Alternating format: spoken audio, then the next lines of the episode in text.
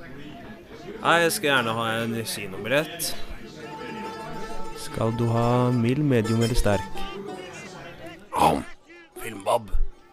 Hei og velkommen til Filmbab, en filmpodkast der vi, der vi babler film og spiser kebab.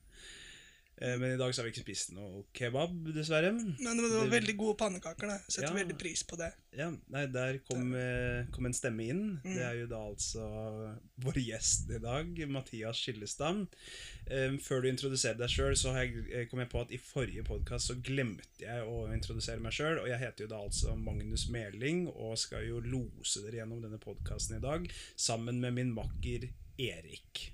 Erik, hvem er du? Jeg er, fortsatt Erik, som jeg introduserte meg som i forrige episode. Det, jeg glemte ikke det. Jeg liker fortsatt film. Ja. Ja, du er ikke den beste på å introdusere deg sjøl, men eh, han er da sjarmerende, er han ikke det? Han liker kaffe også, i tillegg til film. Jeg liker kaffe og kebab, eh, så, og film. Og bøker. Det er fine, fine beskrivelser, det, altså. Nei, eh, Mathias Skillestam, Mm. du er jo historiestudent. Mm, mm, eh, mm. men du er jo først og fremst eh, en kompis av meg, da. Ja, ja, Og. Erik. Mm.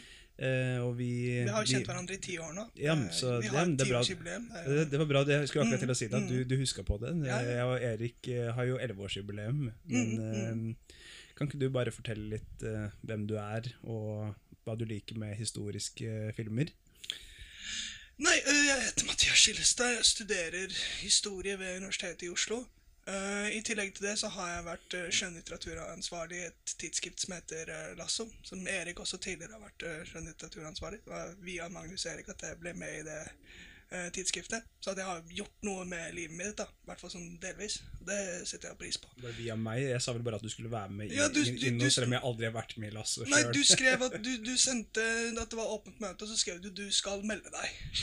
Så tenkte jeg sånn «Åh, Studenttidsskrift, orker kanskje ikke det. Men så var du litt sånn insisterende på at det burde jeg gjøre, så da sa jeg 'la meg gjøre det', da. Og så Nå sitter man der med to utgivelser og en del tid lagt, og ikke så veldig nødvendig resultat. Jeg har ikke tjent noe penger ennå, i hvert fall. Nei, men det er det ingen av oss som har. Eh, Så det, det er jo ikke Det er jo ikke formålet ennå. Nei. Kanskje målet etter hvert. Og så er det jo veldig gode tekster. Altså, bare sånn, hvis du skal gjøre litt sånn skamløs promotering av noe som er gratis hvis man stjeler det fra Blindern, Ja, ja, ja, så, så er det jo bare å løpe og ta med seg noen utgaver, for det er jo ja, jeg synes det er eh, Det er jo mange gode tidsskrifter på Blindern, så det er ikke det. definitivt ikke, ikke for å snakke dritt om studentdrevne tidsskrifter. Jeg synes det har vært veldig lærerikt og givende å være med på. Jeg vil definitivt anbefale folk som er interessert i litteratur eller film. Så hvis du går på et universitet i Norge, så fins det et eller annet som du kan holde på med i et godt miljø. og Det blir utgivelser ut av det. Man lærer mye av det, og det kan også være eh, nyttig senere. Ja, hvis du vil jobbe i forlag, for eksempel, så Mm, kan jo det være mm, bra mm. erfaring å ta med seg sånn lite hot tips der. Eller hvis du som meg da har lyst, eller har lyst til å drive, være forfatter på en eller annen måte, så er det veldig givende å sitte og være i en redaksjon som får inn tekster. Mm. Fordi da vet du åssen det er å være på den andre sida av det gjerdet. Så at hvis du får et avslag fra et forlag, så skjønner du kanskje litt mer hva de personene som sitter og eh, vurderer tekstene dine, hva de ser etter, og sånn åssen det er å være i den prosessen. Så er mange gode grunner til å være med i litteraturtidsskrift og sånn.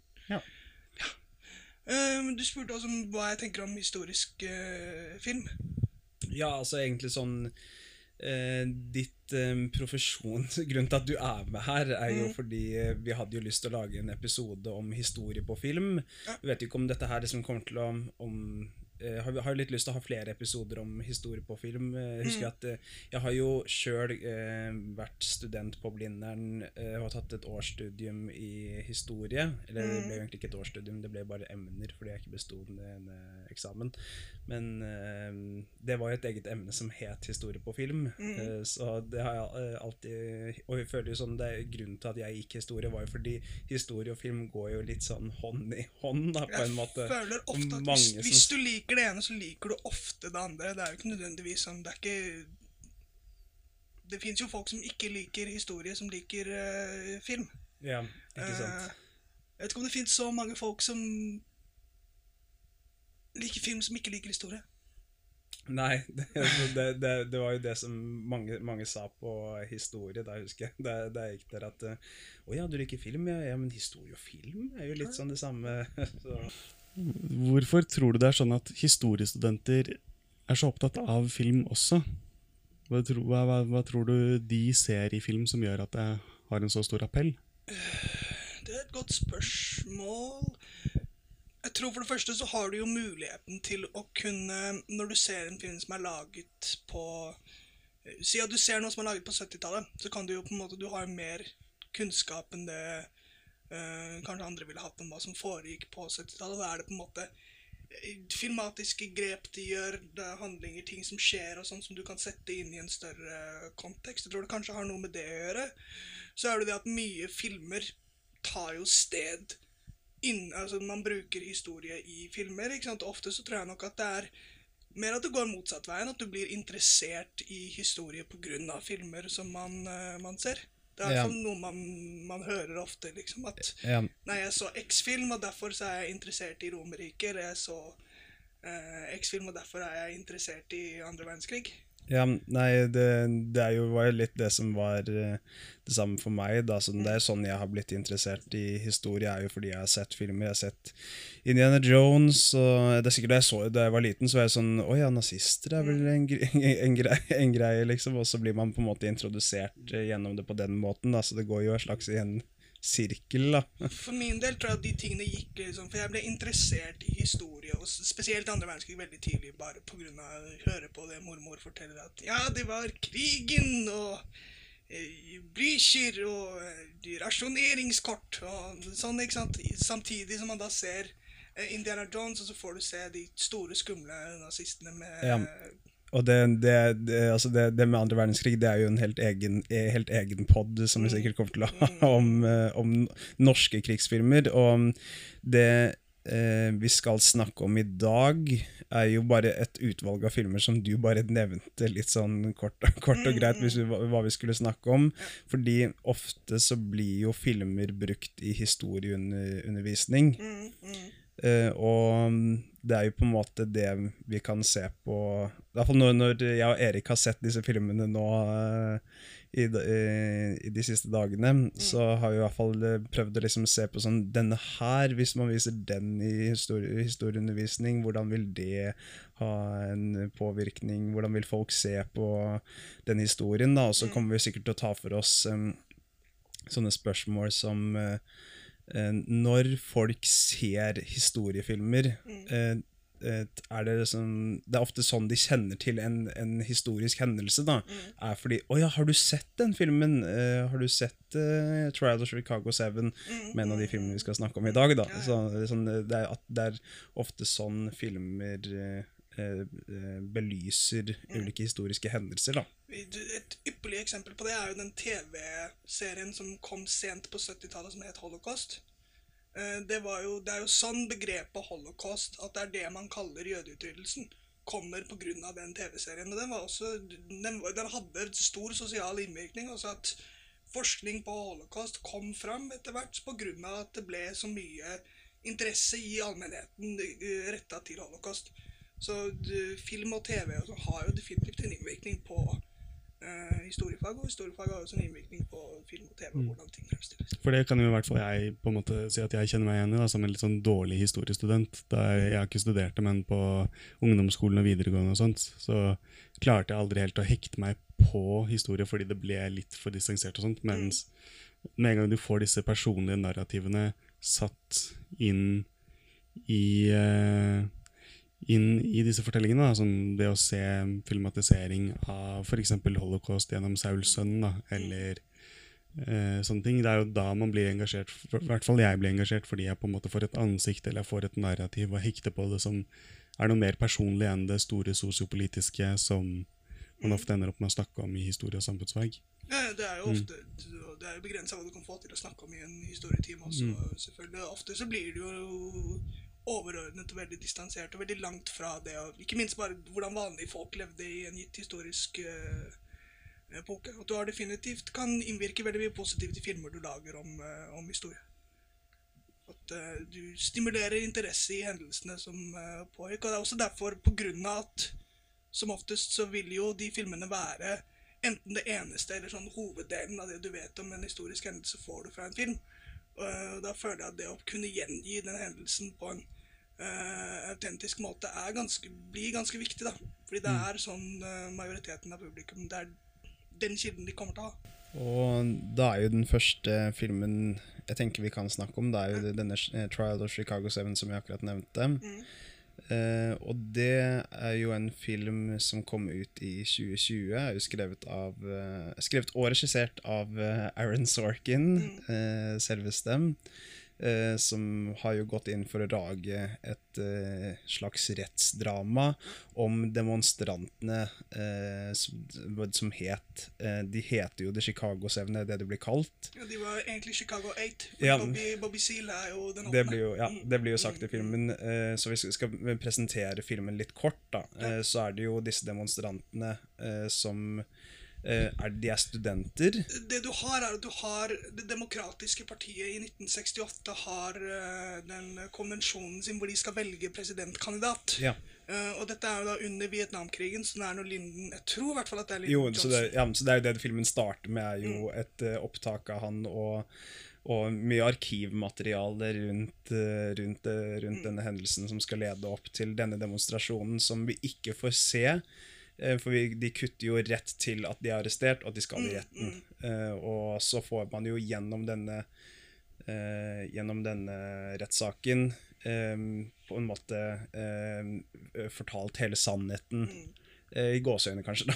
Ja, for det, det, som, det som foregår, er at det blir et sammenstøt mellom folk som protesterer. Det er vel mot Vietnamkrigen, sånn overordnet sett det de protesterer mot. Og så blir det et sammenstøt mellom politiet og Uh, I all hovedsak studenter og andre Jeg tror de, Hovedorganisasjonen var vel den SDS, Students for Democratic Society, eller noe sånt. Nå. Så det er i mm. all hovedsak studenter som er med på de uh, Stemmer dem. Og um, jeg kjente jo ikke til denne, mm. denne historiske hendelsen fra før. Uh, så da dette her dukka opp, så er jo det en uh, ny ting jeg kan lære noe om. da. Uh, og det var jo du som kom på at uh, vi skulle ta frem dette her, så hvorfor valgte du egentlig denne filmen?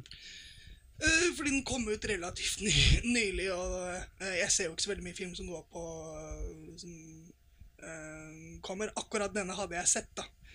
og jeg, jeg kjenner relativt greit til sånn hendelsene rundt, så det er derfor jeg valgte den. Og så er det fordi at jeg syns at at den har både positive og negative sider i hvordan den fremstiller uh, uh, historie på. At den jevnt over gjør det på en uh, grei måte. Ikke minst at det er jo, det er et viktig, viktig, tema. Altså det er jo måten den rettssaken utspilte seg på. Det er jo et ganske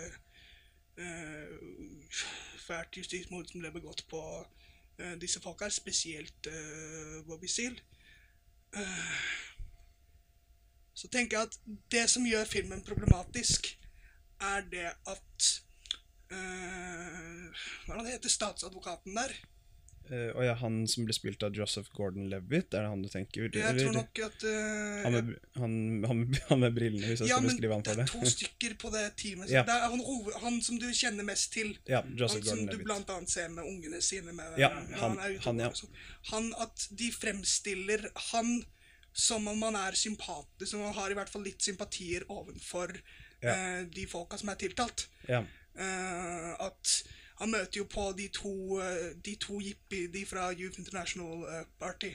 Sasha Baron Cohen spiller en av dem. Ja. Han møter jo på dem, og så konkluderer de på en måte med at vi er jo ish på samme side, egentlig. Og i den siste på en måte dramatiske sluttscenen så reiser han seg jo opp og legger hånda på hjertet når de mm. leser opp alle som har dødd i Vietnamkrigen, f.eks. Ja. Uh, han ble beskrevet av de jippiene som Jeg tror de kalte ham for statens løpe, løpegutt. Og så Jeg tror en av dem beskrev han som basically nazist.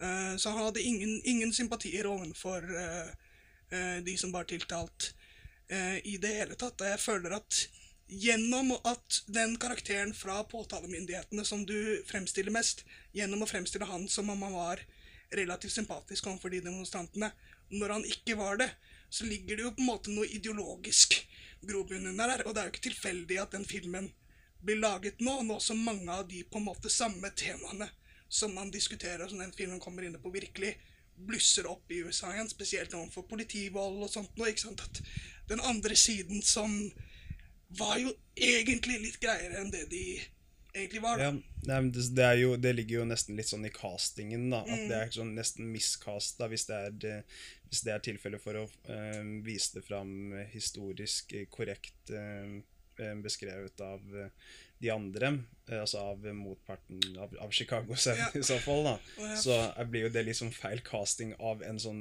Han er jo på en måte en likeable dude, eh, han Joseph Gordon-Levitt, så folk vil jo være sånn Å ja, men han, han, han, han kan vi like på en, på en måte, selv om han på en måte skal være imot disse andre. Det er jo litt sånn det, da, at jeg føler at det blir å fremstille det som om den andre siden var litt hyggeligere enn det de egentlig var.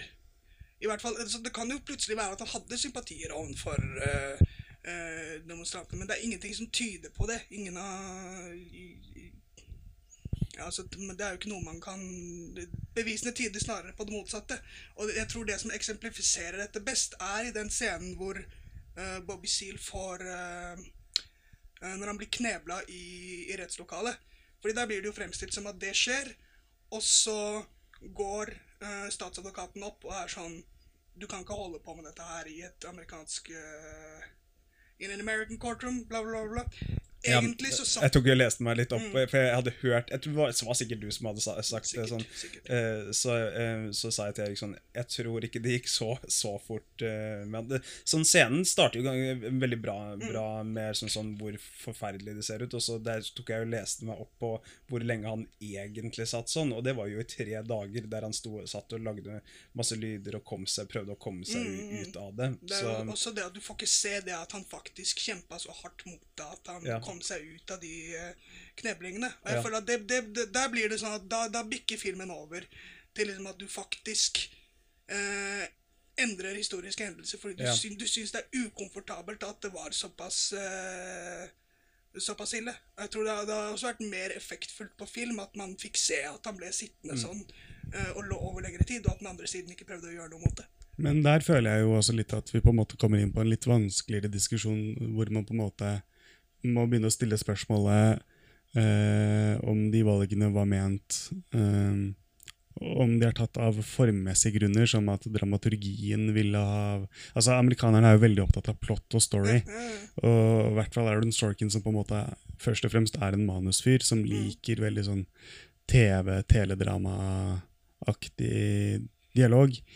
Um, der, der føler jeg jo litt at på en måte man kan kaste ut et argument om at han kanskje også gjorde det ikke uh, fordi det på en måte skulle mm, på en måte være imot et poeng, men at liksom han, han har mye plott han skal gjennom. på ganske, uh, Selv om det er en lang film, så skal man jo gjennom filmen på et eller annet tidspunkt også. og man skal jo ikke lage en, eller Amerikanerne er jo redde for å lage kjedelige filmer. da. ja. Og at uh, det like mye kan være et sånn spørsmål om form som det er et spørsmål om moral. Men, men hvis vi på en måte hører på Godard, da, så er jo Ja, ja. en kamerainnstilling et moralsk valg. Så det er jo ikke et forsvar fra min side. Nei, nei, nei, men jeg, jeg ser poenget ditt. Jeg tror nok eksempel da uh, Den siste scenen i filmen er jo uh, når uh, Jeg husker ikke helt hvem det er som gjør det i filmen.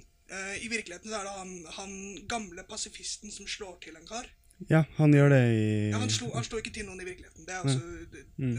noe de har funnet Mm. Ja. på. Men det er han som egentlig leste opp de navnene. Ja. Og det var noe han gjorde sånn omtrent midt i rettssaken et sted. Det gir jo ikke noe mening at det er noe du får lov til å gjøre i et sluttinnlegg. Men der er det jo sånn at der ser jeg ikke noe øh, Og der er det jo på en måte en distinksjon som jeg vil gjøre gjennom historisk korrekthet og historisk uh, autentisitet. Fordi selvfølgelig, når du lager en film, det er jo det samme som når du skal uh, ta en roman og gjøre den til film, så kan du jo ikke ta og Alt som skjer i den romanen, kan ikke skje slavis, slavisk i en øh, film, fordi det er, en, det er et helt annet format, og du må gjøre andre uh, vurderinger. Og det vil si at det er det samme at det er mer effektfullt at de navnene blir lest opp i slutten av filmen, enn at det gjøres uh, midt i. Og det, er, og det skjedde faktisk.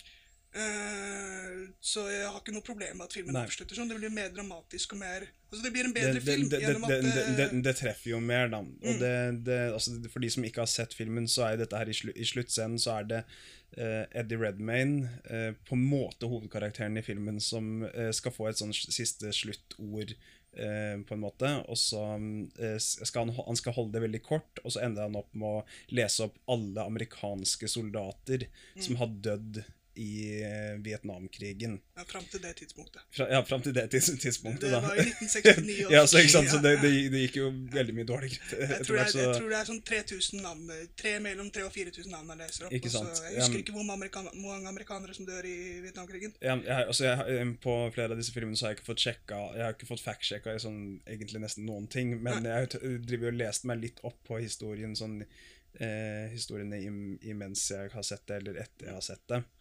Eh, også, så det var Altså, jeg gjorde i hvert fall med det Trial of Chicago 7, fordi den er jo litt sånn kjedelig film, egentlig. Det er jo ikke en så veldig spennende film å følge med på, den er så kjedelig.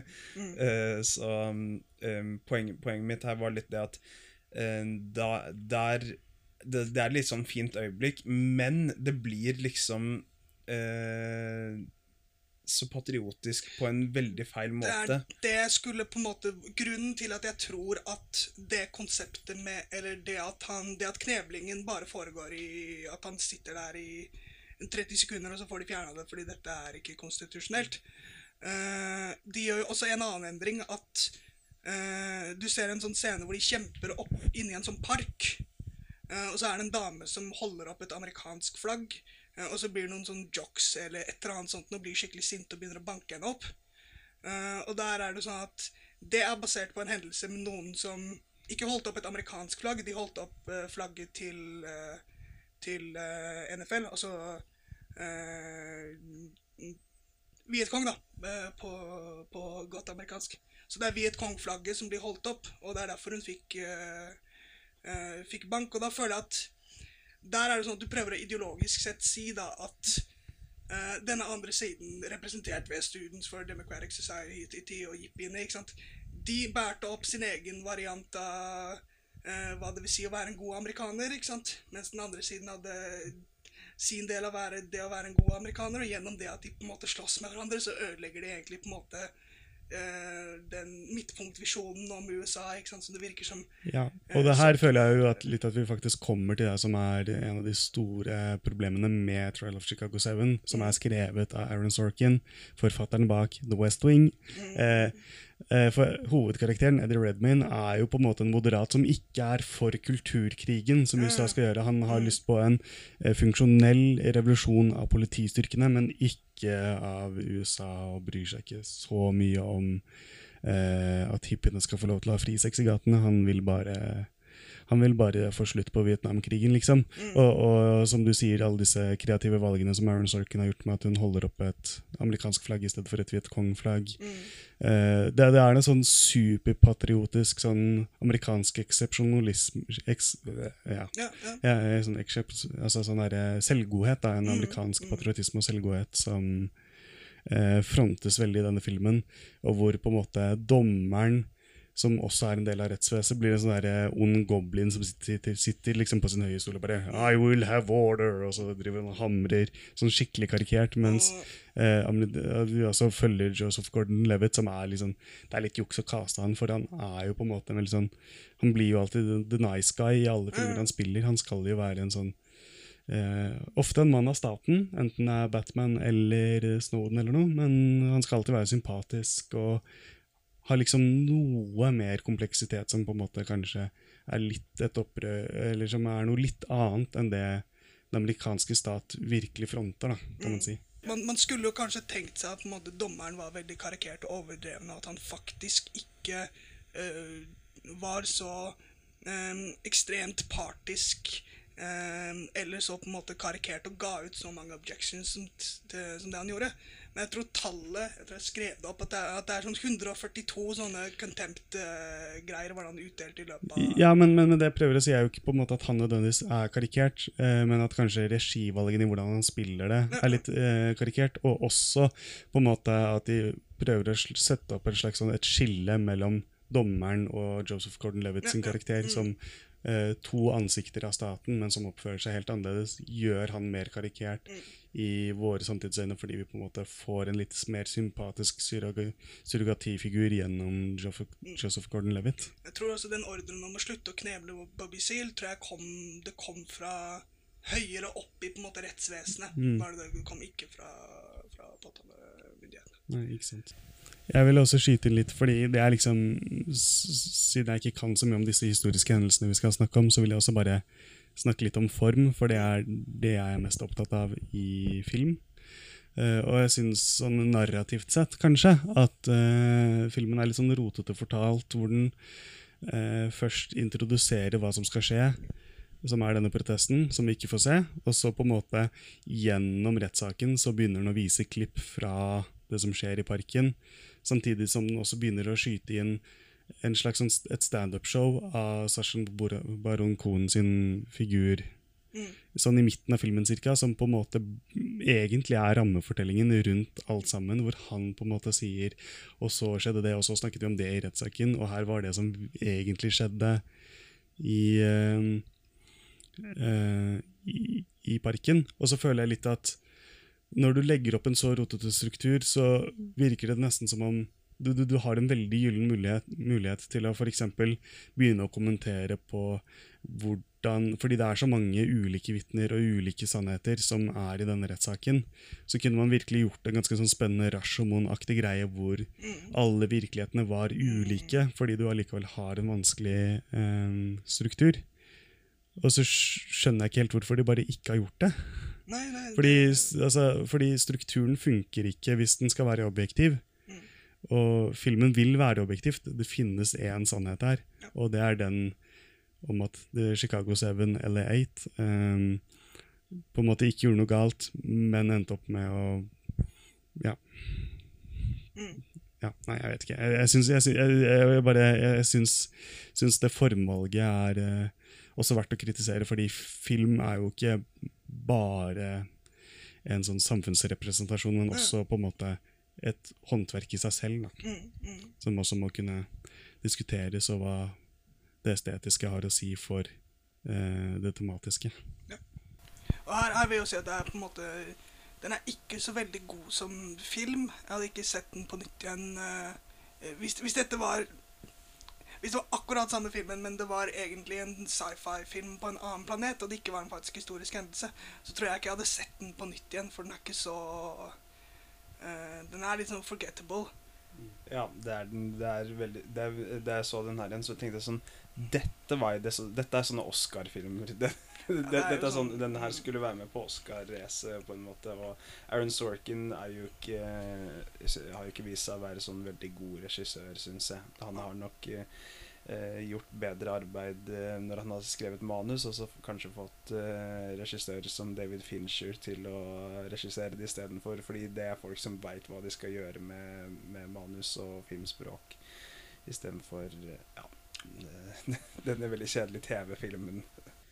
Men eh, vi skal ikke bare snakke om Trial of Chicago 7 i dag. Vi har jo litt andre filmer å snakke om også. Og mm, for å gå videre, da, så har vi et annet eksempel som er eh, en film som heter 'Judas and the Black Messiah', som kom ut omtrent eh, samtidig som, eh, som Trial of Chicago 7. Kom ut kanskje litt seinere, 2021. eh, 2021, eh, men var, var en del av det samme Oscar-racet. Det var den. den okay, fordi, det- men det var pga. det var eh, korona-Oscar, vet du, så da det kunne gjelde noen av filmene som kom ut litt sånn tidlig i 2021. Men det er i hvert fall film som er laga av Shaka King, eh, som eh, da har um, i rollene Lakeith Stanfield som uh, The, The Judas, Mhm. og godeste Daniel Kaluya som The Black Messiah. Uh, og nå er det, en, en, det er nok en liten stund siden jeg har sett denne filmen. Eh, og Erik, du har vel ikke sett filmen i det hele tatt? Dessverre, så jeg føler liksom ikke at jeg kan skyte inn så mye her på akkurat denne filmen. Men jeg har veldig lyst til å se den. da. Eh, og jeg tror jo, ut ifra hva jeg har sett av både foto og spill, at denne her holder et litt høyere nivå filmmessig enn Trial of Chicago 7. Ja, Det var nok kanskje denne her filmen vi helst skulle sett en trial. men eh, men uh, Shaka King uh, Jeg tror det kanskje er en av de første film, eh, filmene hans, eller iallfall sånne store filmene hans. Eh, for han jeg tror jeg er elev av Spike Lee. Ok, Eh, ja, men og- det, det gir jo mening. Og det gir jo veldig mening når du ser filmen at det, det her er jo, det her er, er jo sånn en, en kar som eh, er i hvert fall veldig inspirert av Spike Lee. da. Mm. Eh, Så mm, kan ikke du fortelle litt om hva denne filmen er? For jeg, jeg husker ikke helt filmen. Jeg så den jo da den kom ut. Men, Vi har jo da faktisk forflyttet oss veldig langt både i tid og sted. Så vi er fortsatt i Chicago i USA på sent eh, 60-tallet. Og de to filmene utfyller jo hverandre litt, for du får jo så vidt se Bobby Seal i Trial of the Chicago Seven. Eh, nei, Fred, Fred Hampton. Fred Hampton. Så-. Fred Hampton, så jeg blander det med nesten sammen selv. Bobby Seal var en av de som starta opp organisasjonen i seg selv i, eh, i Oakland, tror jeg vel at eh, det er. Uh, altså, det er ikke så veldig mye å si. Fred Hampton var da uh, formann for Black Panther Party i Illinois. Uh, og han var yngre enn jeg er 22 år gammel. Jeg blir 23, da. Men han var vel 21, tror jeg, når han blir drept. Og filmen handler da om Hvordan skal man Det handler om hans liv som leder av eh, Black Panther Party i, eh, i Illinois. Du følger han mens han forsøker å eh, bygge broer til andre organisasjoner. Eh, deriblant at han greide å samle sammen eh, gjengene som var aktive i Chicago da, og få dem til å slutte å drive med gjengkriminalitet og heller eh, kjempe mot eh, politi og Forene seg. ja, ikke sant? Forene, forene, forene seg mot eh, the big evil white man, ikke sant?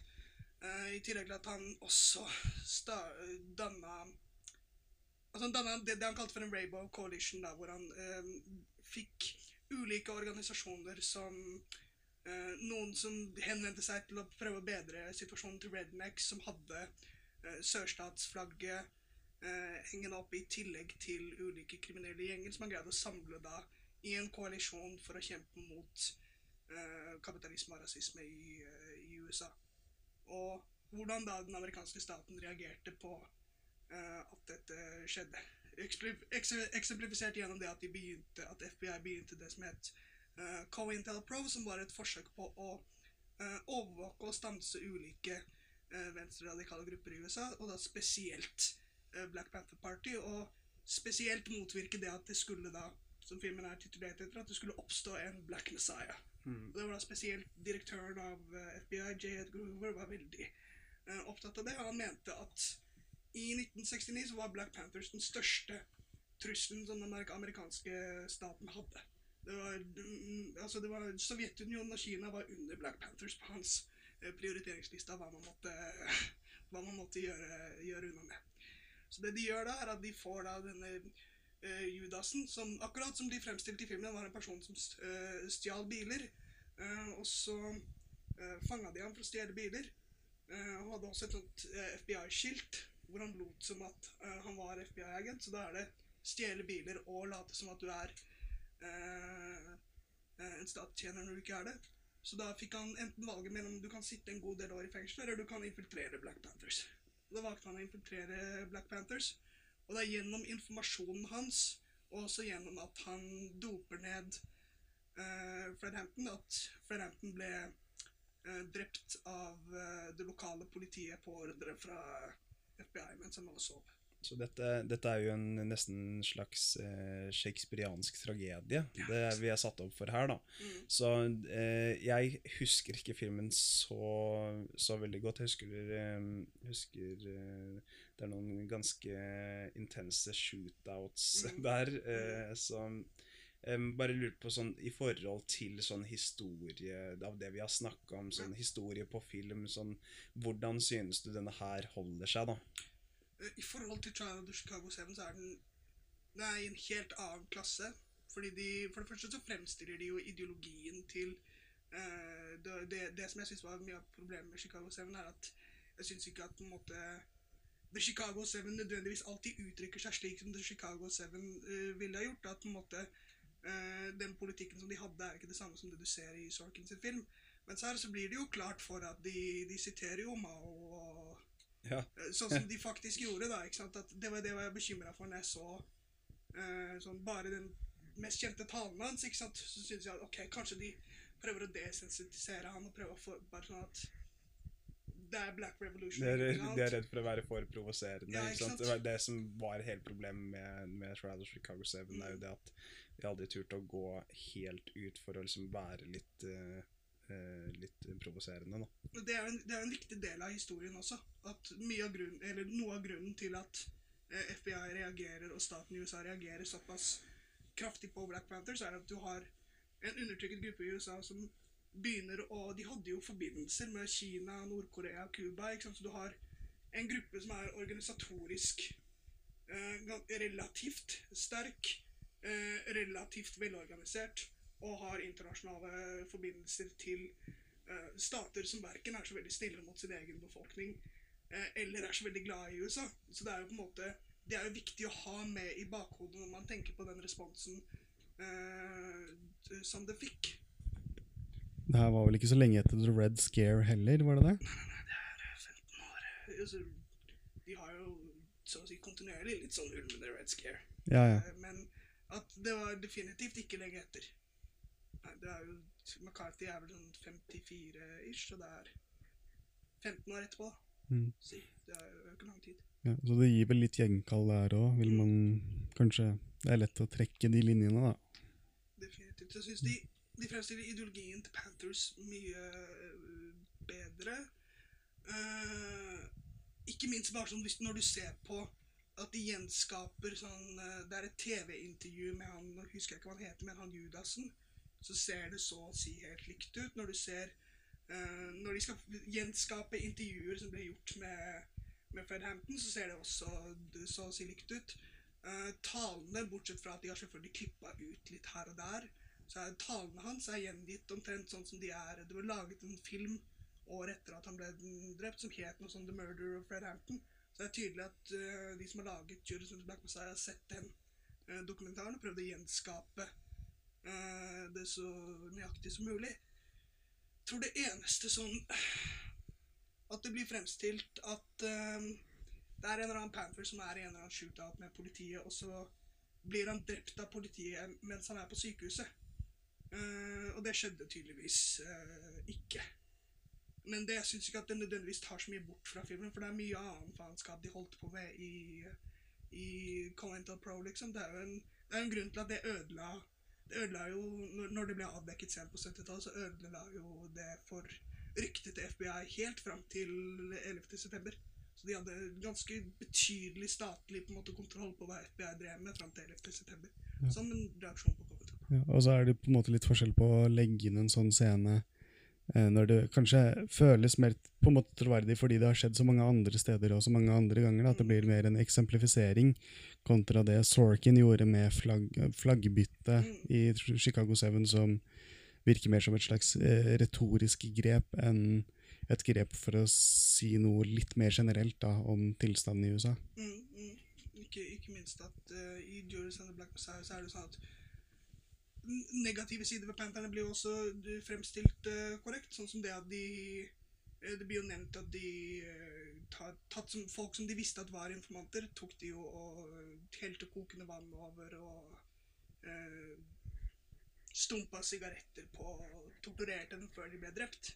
Og det blir jo nevnt i Det er jo ikke nødvendigvis at enhver film hvor man skulle på Ok, nå skal vi lage en Black Hero for uh, uh, seere i 2021. Da kunne man kanskje tenkt at vi trenger kanskje ikke ha med det. ikke sant? Det blir jo ikke de beste heltene. Men de blir fremstilt sånn som de uh, Man tar historien sånn som den var, og så får folk gjøre seg opp en mening om det som skjedde, basert på det som faktisk skjedde. Og det syns jeg filmen gjør uh, veldig godt. Og så er det jo sånn at de har jo kombinert shootouts uh, og sånn, og at ting skjer i ulik rekkefølge enn det det gjorde i virkeligheten. og sånn, Det må man gjøre for å kunne lage en film. For Du kan jo ikke Ting skjer jo ikke uh, Ting skjer ikke i tre akter og et narrativ. Livet, livet er ikke alltid en film. Nei, det, kan føles så, det kan føles sånn når man kanskje forteller det. Og det er, det, det er der jeg føler liksom film um, Film er veldig egnet til å fortelle historie. da. Mm. Altså, det er jo historie, men liksom, hvis man skal ha historiske eh, filmer Mm. eh, som handler om historiske hendelser, så, så er det jo sånn det må, må bli. Så det er jo ganske mange filmer som vi, vi liker, som, som holder seg til den treaktstrukturen, og derfor må ha, kombinere sånne historiske hendelser. da. Og så tenker jeg jo at der har jo film og litteratur også en sånn generell styrke at de opererer mer på et kognitivt plan, hvordan vi husker hendelser, Mm. og hvordan vi setter oss selv inn i større narrativer. Det er også det historiefaget er. da. Ja. At eh, eh, historiefaget har jo et visst element av fiksjonalisering, eller sånn valg av fokus og rekkefølge, for å sette opp større tråder, for å på en måte komme fram til vår virkelighetsforståelse av hva verden er i dag. Og, og der eh, er det jo en del fellestrekk som film, hvor film og litteratur, og også på en måte subjekt, det subjektive minnet da, til enkeltpersoner, tar seg mye større friheter enn det eh, en historisk nøyaktig gjengivelse kan gjøre. Historiske Det er jo fortellinger, det også. Du Mm. må jo, for, og for å kunne fremstille noe på en, en måte som gjør at folk skjønner det, så er det ingen bedre måte å gjøre det på enn å eh, fortelle en historie. Forskjellen er det at når du eh, skriver, et, eh, skriver en roman, så trenger du ikke bry deg om hvorvidt det du har skrevet har skjedd eller ikke, mens når du på en måte skriver noe historiefaglig, så må jo det du du må jo kunne greie å fortelle en god historie samtidig som det du sier, er riktig. Har du forresten, sånn apropos det, eh, det her er eh, skikkelig sidesprang eller anekdote eller sånt, men har du hørt om den ene Dag Solstad-boken hvor han tar for seg en del av slekta si, og skal skrive en historisk bok om den? Og så er det ikke noe fiksjonalisering i den, Mm. det er bare ramse på ramse med, med, med navn og hva slags yrke de hadde, og når de døde, og hvem de gifta seg med og sånt. Den, Mm, mm. det blir jo liksom det motsatte av det filmiske. Ja, ja, ja. Det er jo ikke Det er en sånn morsom assosiasjon å trekke inn, da. Nei, men det, jeg syns det passer veldig bra. Det er jo en reaksjon på sånn Knausgård, eh, for eksempel. Da. Eller sikkert vil jeg anta at det er det Solstad tenker, da. At nei, dette er jo ikke dette er jo ikke virkelighetslitteratur. Jeg skal gå til arkiver og skrive den virkelige virkelighetslitteratur. jeg vil jeg vil anta at det er, sånn noe sånt. Veldig, veldig bra Solstad-impression. Eh, og med det eh, så eh, vil jeg gå litt videre eh, eh, Det er veldig bra samtale vi har, eh, vi har her. Eh, vi har kan nesten litt for mange eksempler, vi. Ja. Eh, på- Se Judas and the Black Messiah. Nei, vi trenger ikke, komme, se- vi trenger ikke helt komme med sånn der bruksanvisning. Jo, jo, jo, jo, jo. Vi er smaksettere også, det må vi faktisk på oss. Og hvis Ja. du virkelig vil, så kan du heller se den dokumentaren 'Murder of Fred Hampton' fra 1971. Eller, eller kan du også se Black Panthers av eh, Agnes Varda. Det er også en uh... Eller Ryan Coogler sin Black Panther. Ja, eh, toeren syns jeg var ganske bra, faktisk. Ikke, de, de har jeg ikke sett. Nei, Jeg kjenner, Nei, jeg nei, kjenner det- til det- Black Panther Party for Self-Defense. Ikke ikke Ikke- The ikke Marvel. ringer ingen bjelle? ja, For det, det er Stanley Marvel-karakter, er det ikke? Ja, Ja, ok. Ja, ja. Ja. Nei, eh, så eh, er det jo Jeg har um, hørt at den skal være bra. Altså. Ja, eh, så um, har vi jo en neste, neste på lista er jo da um, godeste Det er en italiensk-algirsk eh, film fra 1966 som da heter The Battle of Algiers. La, battaglia de Algeri eller et eller annet. Og Nå den, italiano. denne filmen hadde jo jeg, jeg og Erik gleden av å se i dag morges. Mm. Uh, og jeg vet ikke helt hvordan jeg skal beskrive denne filmen, men uh, det kommer til å være en litt annen, uh, litt annen stemning enn med disse andre filmene, tror jeg. Altså, hvor, hvor de to forrige filmene har en look og feel som er litt sånn lagd for strømming, Mm. historisk viktige Oscar-filmer, så er jo The Battle of Algiers Det er en gammel svart-hvitt-film. Mm, mm. Den uh, ligger veldig tett opp mot uh, italiensk neorealisme. Den kommer Mm. kanskje litt for sent sånn historisk sett til å være akkurat det, men etterdønningen av italiensk neorealisme har jo hengt igjen veldig lenge, da. Ja. Italiensk film. For det er Eh, sånn, det er sånn bicycle og sånn. Bicycle Thieves og Bicycle heter. eh, ja, en del andre av disse Rossellini og ja. I alle fall. ehm, litt av greia der var at man sluttet å filme i, i studio og tok med seg disse nye, lettere kameraene ut på åpen gate og filmet på location. Man filmet virkelige mennesker i virkelig liv. Mm. Og det er jo noe som virkelig på en måte er litt av magien med The Battle of Algiers. Da, at den er skutt på location i Algerie. Mm. At veldig mye av de ansiktene som er der, ser ut som de har sett denne krigen som Mm. har forekommet. At de har slåss seg gjennom det. Mm. Vet at de har falne brødre som skal på en måte fiksjonaliseres. Mm. Og 'Falne søstre' også, for så vidt. Det er jo noen ganske kule kvinneroller her. Ja, ja. Det, det, det veldig sånn, Mm. sånn det, det som er så kult med et par sånne italienske filmer, som jeg ofte slår meg, er sånn hvor mye mer moderne de kan være, selv om de kom på 60-tallet, ja, ja, kontra, kontra moderne amerikanske filmer. Sånn der, disse eh, modige kvinnene som tar med seg bomber i veskene sine og klipper håret for å virke litt mer vestlige, sånn at de kan komme lettere gjennom disse sjekkpointene i byen og sånt.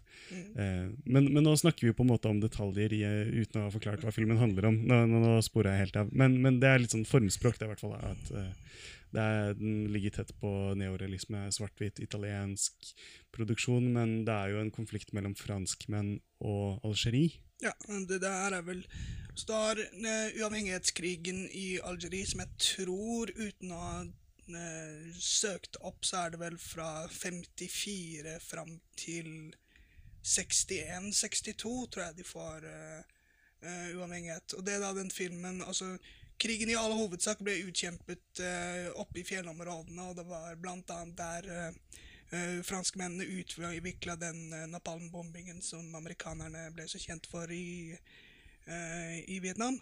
Så etter at franskmennene hadde vært i Vietnam, da, fordi ja, de paratrooperne Eller de, fly, de fallskjermjegerne som du ser i, i Battle of Budgies, de har jo kommet rett fra Vietnam. Det blir også nevnt uh, i filmen. Men det handler da om uh, slaget som ble utkjempet mellom da eh, FNL, altså Front de Liberation National, og, eh, og eh, kolonimyndighetene i, eh, i Algerie. Hvor da også den, og Mye av grunnen til at krigen blir såpass tilspissa, er jo det at du hadde en såpass stor grad av eh, franskmenn som bodde eh, i Algerie. Jeg tror de var omtrent 10% av befolkningen. De heter noe sånt svartføtter eller noe sånt, det de på, heter på fransk. Eh, Camus, for eksempel, er jo, er jo den mest kjente eh, representanten av, eh, av dem. Og det er jo derfor krigen blir såpass uh, tilspissa som den blir, er fordi det var en såpass stor Uh, andel franskmenn som, uh, som bodde der, så jeg hadde en Og det var jo, Algerie var jo regna som en egen provins av Frankrike. Det var ikke en koloni. Så det, det var på en måte en del av det franske fastlandet.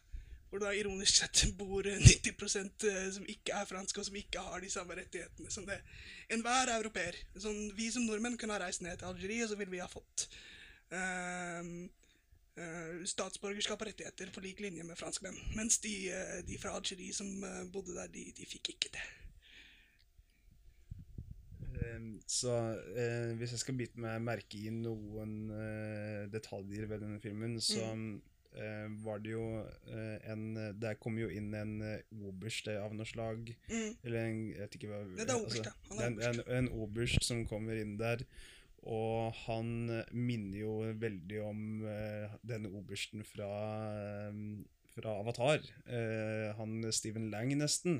Han, Ja. han er jo så brautende og gal at uh, Og eh, begynner jo å Ser jo bare på disse som avskum, disse, de, de han skal ta. Jeg jeg husker ikke helt uh, hva disse hovedkarakterene heter, men eh, Hovedkarakter Han Ali, Hoved, det er Ali. Lapointe. Ja, Og så er det han Det er han med briller. Det er, av- de hovedledelsen så er det han ene heter Sadi Yasef. Han spiller seg selv. Oh, ja, Altså, ja, han um, Prøver å huske hvilke scener der han er med Når Ali kom, først kommer ut av fengsel, Ja. og så har han skutt han eh, Når han får den der pistolen av hun, eh, hun dama i burka, Ja, Uh, og så skyter han han uh, eh, Politimannen? ja, han franske politimannen. Ja. Og så møter han på den personen som forklarer han at vi måtte altså, Han første han møter, han spiller seg selv, sa Diaz. For det er altså hans bok Ja. Uh, som uh, filmen er basert på. Mm. Han skrev også det første manuset til filmen. Mm. Uh, og da hva er Han heter Jilo Patakarwa, eller noe sånt, da, han som er regissøren. Stemmer det. Han sa at han kunne ikke bruke det manuset han hadde fått av Seriasa, mm. for det var jo bare sånn Vår heroiske kamp mot franskmennene, bla, bla, bla, bla, bla, bla, bla. Ja, altså det, uh, det er i hvert fall en uh, Han, han der obersten driver i hvert fall i en scene og driver og snakker om hvor eh, hvor feil de på en måte tar. Og han, altså vi, vi, vi, vi kan ikke være fascister, vi. Jeg har kjempa mot fascister, jeg. Ja, ja, Det- det- og som, eh, og at eh, eh, Du får liksom virkelig fram eh, synet hans også, da. Mm. Og at man skjønner hvor, hvor, hvordan han ser seg selv i, på historiens askehaug, på en måte. da Mm. At ehm, det, det er jo det er på en måte Det er ofte de, vi har prøvd å se den røde tråden mellom disse filmene. Det er jo Mm. disse heltehistoriene og um, disse politiske uh, vekkelsene, eller hva, det, man skal, hva man skal si, som, uh, som på en måte endrer seg, og hvordan uh, de andre ser, eh, ser seg i historiens lys. Ja. Jeg, jeg, synes, jeg tror det er det, noe av det som gjør den filmen såpass bra, er jo nettopp det at du får Selv om filmen helt altså Det er jo helt klart hvilken side av den konflikten som jeg tror filmskaperne uh, plasserte seg på. Uh, og også hva de ville ha mulighet til å gjøre. når Du, du lager den jo tross alt i et land som nettopp er blitt uh, gjort selvstendig. Sikkert, Hvis de ville lage en film som uh, var utelukkende på fransk side, ville de sikkert ikke fått lov til å lage den i Algerie. Men det at med det utgangspunktet da, at filmen antagelig er mest sympatisk overfor uh, frihetskampen til Algerie, så blir perspektivet til de franske innfødte og til eh, de franske fallskjermjegerne det blir gjengitt korrekt sånn som de ville ha, uh, ha uttalt det selv. At du får fram Altså, de, de fremstår som mennesker, da. De, Ja. de er ikke karikerte sånn De er ikke som han dommeren i Trial of Chicago Nei, ikke sant? Det er det er ikke en karikert um, Det er ikke en person som sitter der med en gravel og bare Order! Order! Jeg har ikke Ja. blitt i men Ja, nei, fordi det, det, det er jo det som ofte blir eh, problemet, da. er at Når du, når du skal vise frem alle disse virkelige perso eh, personene Mm. Eh, eh, Så når man skal lage en sånn historie, da eh, Så vi har jo ikke noen sånn egen sjanger i, i film, føler jeg, som, som man har i litteraturen. Som, I litteraturen så har man jo en egen sjanger nesten som heter historical fiction. Ja. Eh, s- eh, som, det er jo blant annet Leo, Leo Tolstoy med Ja. War and Peace. Det er De tre musketerer av Alexandre Dumas. eh, der eh, man liksom Man tar ekte personer, og så lager man en fiksjonell historie rundt det. Mm. Eh, så, men med film så blir det liksom noe annet, da. Ja. Der blir det liksom denne eh, delen der man skal liksom sette bilder på historien. Ja. Uh, og mm, blir, det blir liksom vanskelig å vise at eh, disse karakterene går hjem eh, Du får liksom se dems, dems side av historien også, når Mm. man kanskje ikke har kilder på dette her. Så um, blir det kanskje litt vanskelig å vise at vet ikke om han der eh, obersten skal gå hjem og, og, og fortelle sin historie der, der, eh, der hjemme. på en måte. Du må liksom vise det fra situasjonen de er i, ja, ja. hvis du skjønner hva jeg mener. jeg tror nok det. Og jeg tror det, det med å på en måte kunne gi begge sider Mm. eh, plass, det gjøres jo også gjennom musikken, f.eks. At du ser når de franske politifolka legger den bomben i Kaspan eh, så sprenger de det. eh, Sånn. Det er jo en virkelig stor eskalasjon av konflikten når de gjør det.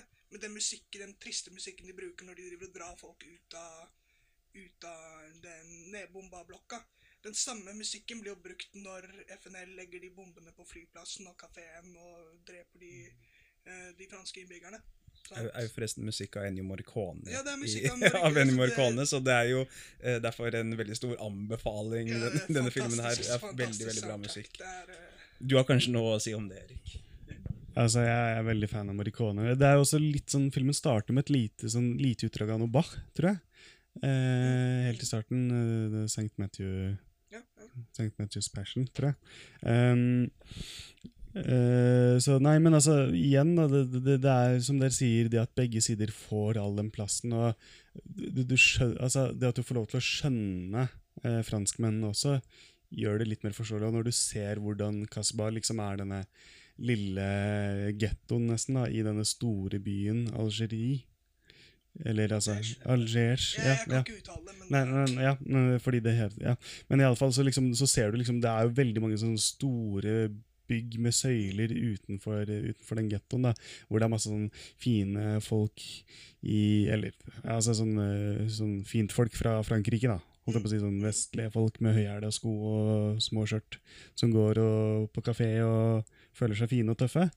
Uh, og det gjør jo at man på en måte virkelig får følelsen av at dette her er jo det, det er nesten som om de på en måte ikke bor i sitt Eller er hjemme i sitt eget land. Eh, samtidig som man også liksom gjennom, gjennom de bildene ser også, ser også at de menneskene som går på den flyplassen som blir sprengt, også bare lever en hverdag. De, de skal bare liksom hjem til besteforeldrene sine eller noe idet bygningen eh, raser sammen.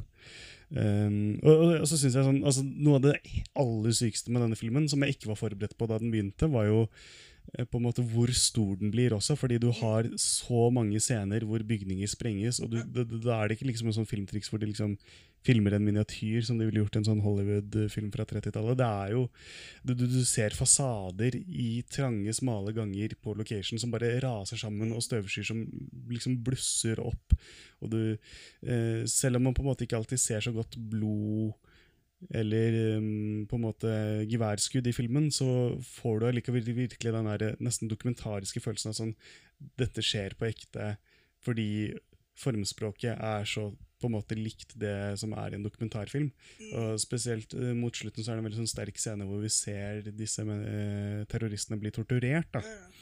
Eh, hvor det er noe sånn elektrosjokk, og at de driver og Det var mye forskjellig, da, at de henger en fyr opp ned i en sånn Ja, det er noe Ja. waterboarding-greier. Ja, waterboarding, ja. Så at leddene Mm. Så at um, eh, kroppen din går ut av ledd, og så er det det Ja. å enten putte sånn bilbatteriledninger på testikler og sånn var vanlig, vanlig teknikk de brukte i Ja, og der, der, der blir jo eh, filmen eh, nesten sånn eh, Sånn eh, dokumentasjon sånn, sånn, Nesten sånn når, jeg, når man har lest sånne historiebøker om om tortur, om tortur eh, sånn, eh, Les sånn Den der nådeløse nordmenn, blant annet. Ja, der har de noen sånne rekreasjoner. Eh, og det er virkelig fælt, fælt å se på. Det, det er sånn, sånn, der du får sånn fordi du får sånn skikkelig vondt av å se på dem. Mm. Så eh, det som nesten slo meg med denne filmen, det er jo at det, dette er jo en sånn eh, film man egentlig burde se i skolen.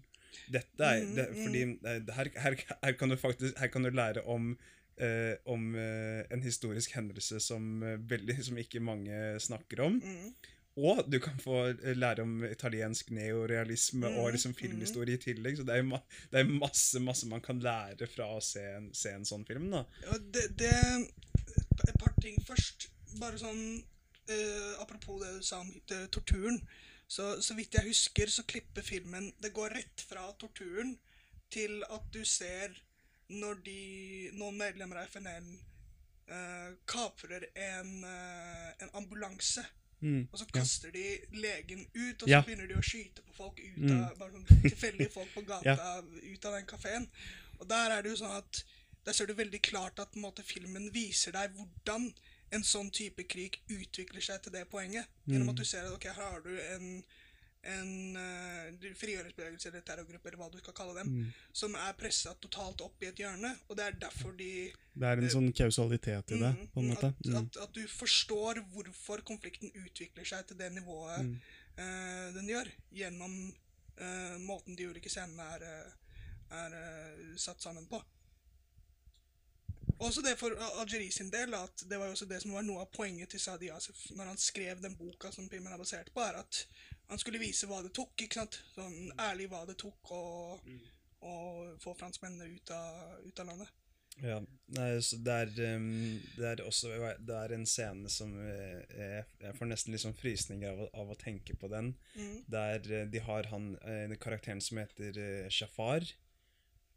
Eh, eller Shafar, eller hva. hva eh, det, er- en karakter som eh, Der de er trengt helt opp i et hjørne, og det kommer et, et, et forslag fra han, han obersten om at hvis du ikke kommer ut nå, så eh, kommer vi til å sprenge Mm, mm. hele huset ditt. Ja. Og så sier han til kona eller hvem det er, at han sier sånn Nå går du og sier til han at hvis, du, hvis han ikke kommer ut nå, så kommer du til å sprenge hele huset ditt. Så hvis du vil ha et hus i morgen, så går du og sier det til han nå. Mm. Og, så, og, og, så, og så legger det også en liten det, det, det, det, detalj om at han, han er sånn Vent litt, vent litt. Du, eh, jeg må si fra til han at, eh, at du kommer opp. Om ikke så blir du jo, vil du drepe deg sjøl. Mm. Og så, og så går, går han jo opp, og så sier han fra om dette, og så sier han Jafar sånn Nei, nei altså det, det, det kommer ikke på tale. Jeg skal sitte her oppe og dette er slutten, liksom. Mm, mm. Og så kommer han jo på sånn Nei, dette, var, dette er jo en helt utrolig trist måte å dø på. Mm. Så han, han ender jo med, opp med å, å gi opp. Ja, ja, ja. Eh, Mm. så, og det syns jeg eh, Når jeg tenker på det, det var en sånn helt utrolig scene der han eh, eh, liksom virkelig skal holde på prinsippene, og så ser han liksom hva, han, hva som har skjedd rundt he hele familien, og, og alt, hva, hva alt dette har skapt, og Mm. ender jo opp med å turn himself in.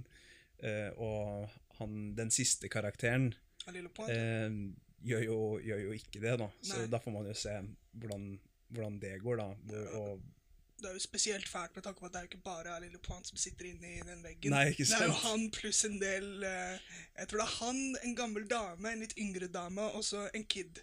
Mm. Og den kiden er jo den samme kiden som uh, For Arild Point kan jo ikke lese. Så når eh, han får den første meldingen fra FNL, så er det den syv-åtte år gamle ungen som leser dem opp. Han er jo involvert i organisasjonen hele veien, og noe av det siste Arild Point sier til han, er jo sånn Få glede deg til i morgen, for da skal du ut og legge bomber eh, for oss. ikke sant? Ja, for han er jo på en måte Han dukker opp flere ganger i filmen. Mm. Først så er det jo det at han prøver å deeskalere en flikt når de, det er en sånn folkemengde som går ned en trapp. Mm. Og så er det jo på en måte når han stjeler mikrofonen i et av checkpointene for å si sånn derre Mm. vi, vi klarer det, dette her kan vi få til, liksom. Så nei, det er veldig Det er en tragedie når den filmen slutter med eh, det at de dør, da. Mm, mm. Eh, men ja, liksom Det er jo ofte, det er noe av grunnen til at jeg kanskje har slitt litt med sånn skolefilmer, hvis man kan kalle det det tidligere. da, er jo at veldig få av de filmene man har sett på skolen som på en måte man ser i historietimene, er så gode. Det er selvfølgelig noen unntak. altså Schindlers liste er jo en ekstremt rørende film, fordi Spielberg er jo på en måte mesteren på, på følelser. Um, så den, den husker man jo, og det gjør at man husker andre verdenskrig, og så har du jo Saving Private Ryan. Det så vi ikke på skolen, da. Men, men det er så mange andre av de filmene som bare flyr rett forbi, fordi det er litt sånn dårlig skrevet Oscar-piss, Mm. på en måte. Det er eh, eh, filmer som bare er lagd for å eh, gutten i den stripte pysjamasen. Ja, for eksempel. Ja, og så og så er det noen av de filmene som allikevel er veldig gode, da, men jeg tenker jo at eh, priser eh, ikke nødvendigvis er avhengig av kvalitet. Når det skal sies, så er Battle of Algiers en, eh, den vant Gulløven i Venezia. Ja, ja, ja. Så altså, den er jo på en måte også veldig prisgitt, da. Men, Også nominert til sånn fire Oscar eller noe sånt. ja, men, og, men, men det, liksom, filmer som gjør noe med deg, gjør jo at du husker historien mye bedre. Og Battle of Algiers det er en varm anbefaling fra alle oss, tror jeg, for den er helt sinnssykt bra. Du kan finne den på nett, både YouTube og archive.org og alt mulig rart. Jeg kan nevne et par ting med filmen, bare sånn for å runde av. Hvis ikke du har noe mer du skulle Nei, jeg, jeg skulle egentlig bare si at eh, det er jo nesten litt synd at vi ikke bare lagde en episode bare om Battle of Algiers. Fordi den Kunne nesten gjort det, for det er så mye det, det er, Jeg merker det selv at det er mye jeg har glemt og ja, men nei, det er, Men bare sånn, for eksempel, da, for å si hvor god den er på å gjengi ting. Det er en scene hvor de damene uh, skal legge de bombene på uh, kafeen og flyplassen og sånn. Det, når de er på det fiskemarkedet, og den personen sitter der og eh, setter sammen en bombe Sånn eh, Sitter og liksom trikser med de ledningene. Den personen var faktisk bombemaker for FNL, og den bomben han sitter med, er virkelig. Så de sitter med, de sitter, de sitter med en ekte bombe, eh, og personen faktisk sitter og mekker på plass en bombe som de filma. Men kan jeg da spørre deg, vet du, bare sånn, fordi jeg er så nysgjerrig på dette, vet du hvordan de gjorde dem med disse Er det brukt arkivklipp når de sprenger bygninger, eller når disse massive folkemengdene driver og løper rundt i gatene på slutten? For det er jo sånn, det er, noe, det er noe av de villeste bildene jeg har sett på film. jeg, jeg tror gre greia var at det er ikke noe arkivklipp Det er- her. Det, det poenget her, liksom, i hvert fall mye av liksom, promoting for denne filmen er at Mm. det, det, det her, det er, alt er recreated. Da. De har fjerna det tekstkortet i den utgaven som Eller i den Criterion-utgaven så er ikke det tekst- tekstkortet med. Nei, ok. Men det, er, det var alltid et tekst, tekstkort før filmen ble vist på kino at eh, This film contains no frame of documentary or archive footage. Not one single frame. Nei, alt, alt er blitt filma senere. Og hvis du ser det er en, Jeg tror den ligger på YouTube. Det er en sånn fempart BBC-dokumentar om uh, krigen i Algerie. Hvor du ser jo masse arkivmateriale fra Algiers og de protestene som pågår. og sånn, og det er jo sånn Du kunne ha klippa de to tingene sammen, og du ville ikke ha sett forskjell, bortsett fra at Battle of Algiers er jo ikke i 4-3. ikke sant? Det er den eneste Når du ser fra den streiken, f.eks. Når de eh, når du ser videoen av hvordan de brutte opp den streiken og knuste ruter og sånn, det ser helt likt ut. Mm. Så de har virkelig gjort en helt imponerende jobb på det å gjenskape det. Og jeg tror det er jo rett og slett bare det at det er jo bokstavelig talt eh, De folka som spiller det, er jo folka som gjorde det fem år eh, tidligere. ikke sant? Ja. Så de, de skal jo bare Og det, det, var jo, det var jo nesten litt eh, det, Ofte for sånne, så, sånne filmer fra sånn sikkert 40- til 60-tallet, så var jo det ofte tilfellet Mm. for eh, sånne historiske filmer, var at man ofte skulle ha med de faktiske folka hvis de hadde overlevd dette her. da. Mm. Sånn som i Mm. Kampen Nei, hva er den heter? Kampen om Ja, ja, tungtvannet-filmen ja. fra 1948. Der, er det, der, der, der er det jo ganske Ja, ja. mange fra Kompani Linge som spiller seg sjøl. mm, Eh, som er jo litt, litt morsomt å tenke på. Og liksom en um, hva- Åpenbart hva som ofte forventes litt av å lage um, fiksjonelle filmer, men som er basert på ekte historie. da. eh, Har du noen siste ord om eh, Battle of Algiers, uh? Ja, hvordan filmen er blitt brukt senere. For det er jo det som er at den, den har jo ikke bare Det er jo ikke det at den bare gjenskaper eller at den gjenskaper historiske hendelser, den har jo bidratt til å forme historiske hendelser også. For den er jo blitt brukt som uh, opptreningsfilm, både av uh, Black Panthers viste den, uh, IRA Nord-Irland viste den, jeg tror uh, Bademeinov har vist den, Al Qaida har vist den, og eh, Pentagon har jo også vist den. Ja, den, er- den, den, ble, den, ble, den ble vist i, i 2000 Jeg kan faktisk, Det skal jeg dobbeltsjekke, sånn at jeg ikke Det er nesten noe vi kunne snakke om sjøl, er bruk av historiske filmer. Ja, fordi det er jo noe av det jeg syns denne filmen gjorde veldig godt, og som gjorde at jeg hang meg veldig på den, er jo at den er så opptatt av eh, av organisasjonsstrukturer, da. Mm. Og hvordan, hvordan eh, F, eh, FNL FNL, ja. FNL har hvordan de er bygd opp av disse underseksjonene og sånt, og som en person som er litt interessert i politikk, da, så på en måte vet man jo litt om hvordan Altså det, det, det å se hvordan politiske revolusjoner får gjennomslagskraft, er jo veldig spennende.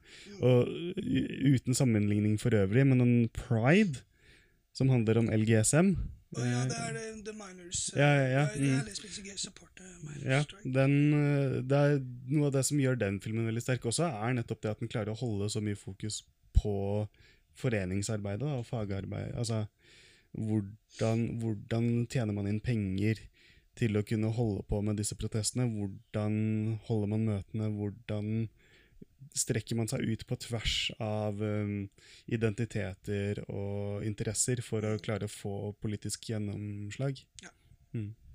Det er jo Jo, jo at um, Jo, den er blitt brukt av Black Panthers, IRA, eh, PLO uh, var også, Jo, det var favorittfilmen til Andreas Bader. Altså av av, av, eh, av, av, Bademein- av Bademein. Jo, den ble vist på Pentagon i 2003. Uh, the Directorate for Special Operations and Low Intensity Conflict regarded it as useful for commanders and troops facing similar issues in occupied Iraq. A flyer for the screening said, How to win a battle against terrorism and lose the war of ideas. Chill, blah, blah, blah, blah, blah, blah.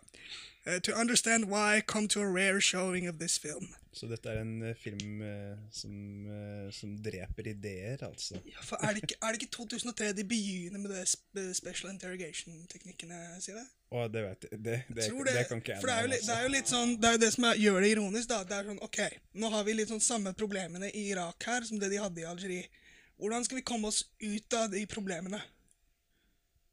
Så er det bare å se på at uh, det hjalp tydeligvis ikke da å, å studere det franskmennene hadde holdt på med. Det virka som om de bare reproduserte mange av de samme Historien gjentar seg. ja. Hjelper ikke å være fascist. Nei, det hjelper ikke å være fascist. Men uh, så skal vi over til en, en film ekstra, da. Jeg vet ikke eh, hvor lenge vi, vi skal snakke om det før vi går over til eh, Sånn, sånn apropos fascisme, liksom. Det her er en film Jeg, jeg, jeg fikk veldig mye Leni Riefenstahl-vibes av denne her. altså. Eh, Definitivt. Det er jo laget av fascisten sjøl, uh, Ridley Scott. Eh, nei, men nei, nei, bare tuller. Bare tuller, bare tuller. Men det er jo da Gladiator fra 2000, år 2000. eh, så lagde han eh, denne filmen. Og det, er jo, det som er med Ridley Scott som en filmskaper, er jo at han, eh, han lager veldig mye rart. Han uh, lager jo filmer som lager jo science fiction-filmer som Alien og Blade Runner. En av de, de sikkert mest kjente science fiction-filmene noensinne. Og så er han ekstremt glad i å lage periodefilmer, som uh, særlig da Gladiatoren. Han har laget 1492 Con Conquest of Paradise. Ro- Robin Hood, og han har laget Kingdom of Heaven. Og mm, ikke minst eh, The Last Duel, eh, som kom ut i forrige fjor. Og i år så er han jo da aktuell med Napoleons eh, biografifilmen, da. Så ja. Eh, hvorfor eh, valgte du å ta frem den? Jeg mente at det, det, det du nevnte om eh, de ulike eksemplene her, var jo det med Trial of Chicago 7, var det at eh, det er en propagandiøs eh, historiegjengivelse. Ja. Eh, med Battle of Algiers så nevnte du bare at det er i en, en klasse for seg selv Ja, med. Ja. med, med, med historie på film. Eh, som vi selvfø- selvfølgelig har gått gjennom nå ganske nøye. Mm. Og så har vi, har vi Gladiatoren, der du bare nevnte at eh, her er det så mye feil i en histo historiefilm, men det vil ikke ha så mye å si, da. ja, jeg At, tror nok at det. det, er, det er det liksom som er poenget her, da. Fordi eh, Gladiatoren handler jo selvfølgelig om eh, eh, godeste Det er en romersk general eh, som akkurat har vunnet sin siste kamp. Han har lyst til å dra hjem. Mm. Eh, så får han besøk av sin gode gamle venn Cæsar. eller Han heter eh, Aurel, Mar Marcus Aurelius. Marcus Aurelius, som uh, vil at han skal bli um, Han skal bli the, the protector of Rome. Mm. Uh, og det vil jo egentlig ikke denne karakteren spilt av Russell Crowe. Han vil dra, dra hjem til gården sin. Filma i sånn ganske sånn fantastisk uh, Filma sånn fint, eh, eh, nesten litt sånn Terence Malick-aktig. Mm. Eh, og drømmer bare om det. Og så eh, er det jo denne arvtakeren, eh, sønnen til Marcus Aurelius, spilt av hva det han heter, Commodus, skal jo jeg tror jeg egentlig at han skal ta over, men han godeste Marcus Aurelius har jo da feilet såpass med denne sønnen at, at det, det da endte opp med å bli Russell Crowe istedenfor. Og da ender jo opp, han opp eh, Commodus med å drepe sin egen far, kvele han eh, skikkelig hardt. Og så eh, ender han også opp med å drepe familien til Russell Crowe. Og med det så har vi starten på filmen der han blir da gladiator. Han blir, eh, blir kidnappa, og så blir han en gladiator. Mm. Og er på hevnens vei mot Romas gater. Mm. Uh, så vidt jeg husker, så var ikke gladiatorer slaver. Nei. De, sånn jevnt over tror jeg ikke man brukte gladiatorer som slaver. Jeg tror at gladiatorer ble brukt, altså slaver ble brukt når du skulle kjempe mot ville dyr.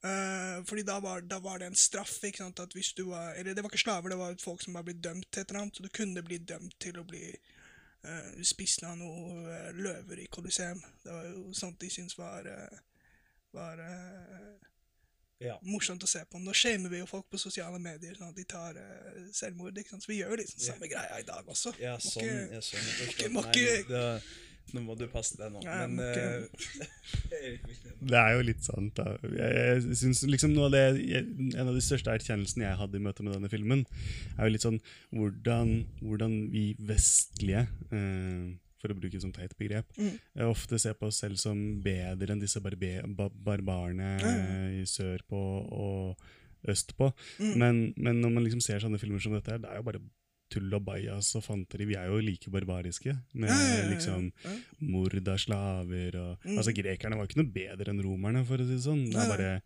bare masse piss og tull. Og, Ja, både, både på eh, Om man kan snakke om kvinners rettigheter for 2000 Ja. år siden, det eksisterte jo så å si ikke, men eh, jevnt, du hadde bedre kvinne... Altså, Kjønnsrollemønstre og behandlingen av kvinner var ikke like ille i Romerriket som det det var i, uh, i, uh, i antikkens Hellas. Så en, en antikk romer hadde ikke noe problem med å eh, På en eh, eh, på grav, I gravkammeret sitt så kunne du bli avbildet ved siden av kona di. Dere kunne stå sammen. Det, det, det var greit. Det ville jo vært utenkelig for en greker? At, du, at kona di skulle ha noe på liksom, gravminnet ditt. og Ja. eh, å gjøre. Flere romerske kvinner som kunne, kunne få eiendom og ha en viss politisk eh, innflytelse. Ikke at det skjedde spesielt ofte, og det er jo 2000 år siden, og det er jo det er vanskelig nok å være jente i dag, og det var vanskelig å være jente da også. Vet ikke helt hva det poenget var. Jo, at, at ting var ganske jævlig i fortida.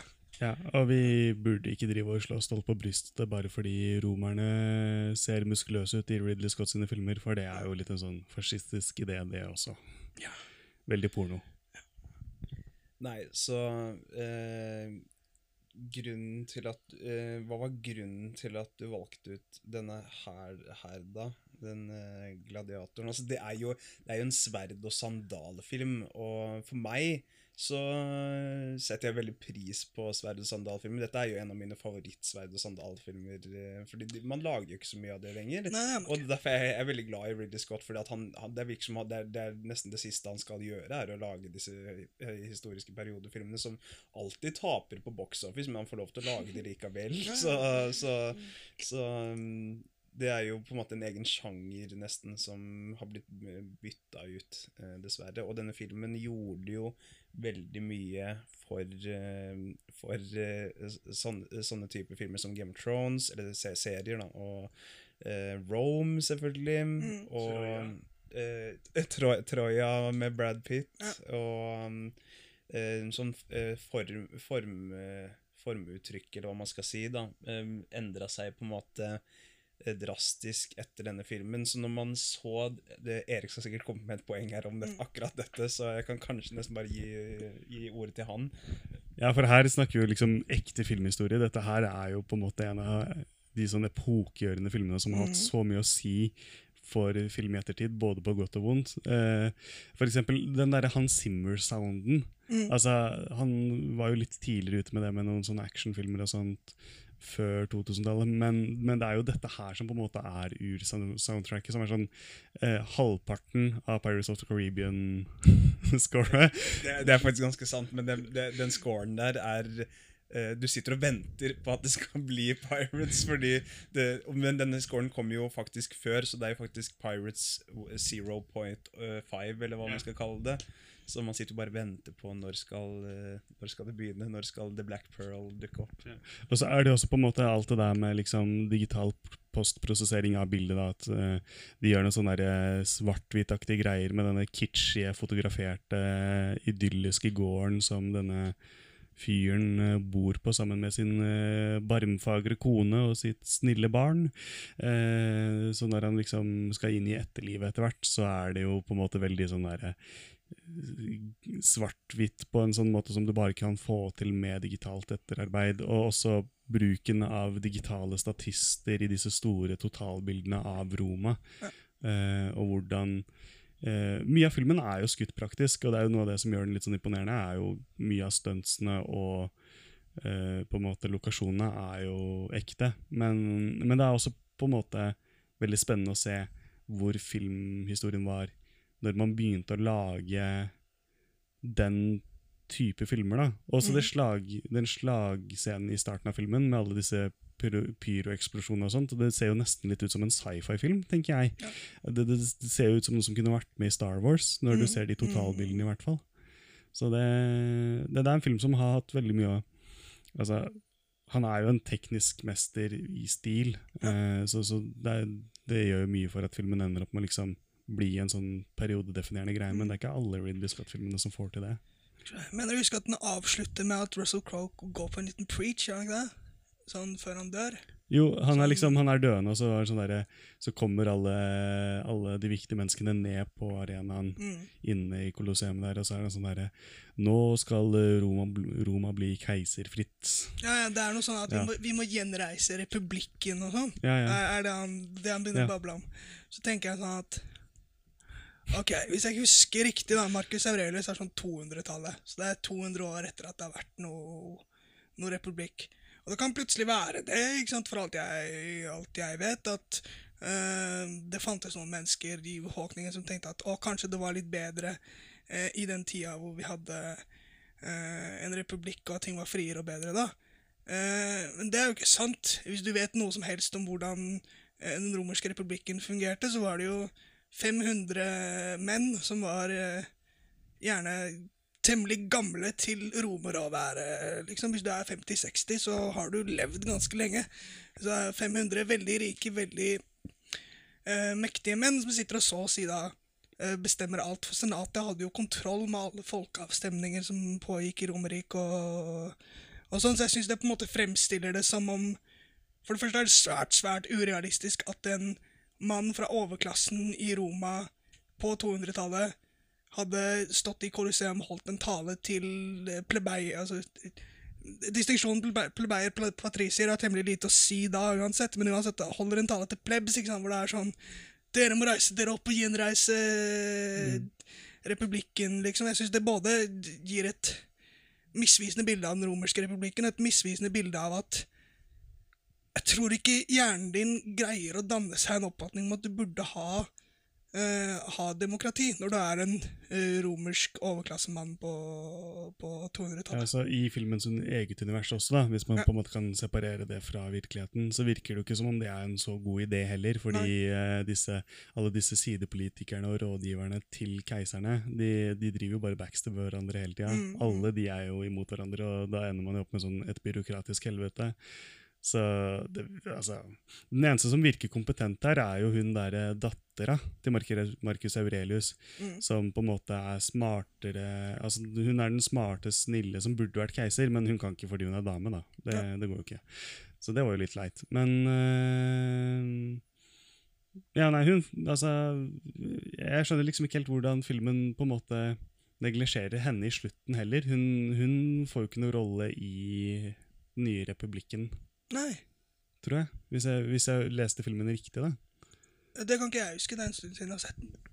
Nei, um, jeg, jeg skulle i hvert fall um, komme med et poeng her om ehm, Når man ser sånne her filmer, da, så, så uh, finnes det jo internettet der ute der man kan sjekke fact-sjekke ting. Der det står sånn 'Fact and fiction in this movie', på en måte. Så det har jo en egen, egen kanal som heter History Buffs, som jeg bare tok og sjekka ut uh, på det, med denne her, da. Og det var en veldig gammel video. Og så uh, nevnte, eh, nevnte han karen bare noe om at eh, han Mar- Marcus Aurelius eh, i starten av eh, filmen så sitter de og ser på et kart, og så Ja. sier han eh, All this I created, all this at han tar liksom, han, som De ser på liksom kartet av hvor stort Roma er nå, og så sier han sånn ah, Alt dette fikk jeg til, på en måte. Og så er det sånn What? Fikk du, fikk du virkelig til alt det? Så, og, og, og det er liksom visstnok helt feil hvor mye han egentlig fikk til av, eh, av å samle Romerriket, på en måte, da.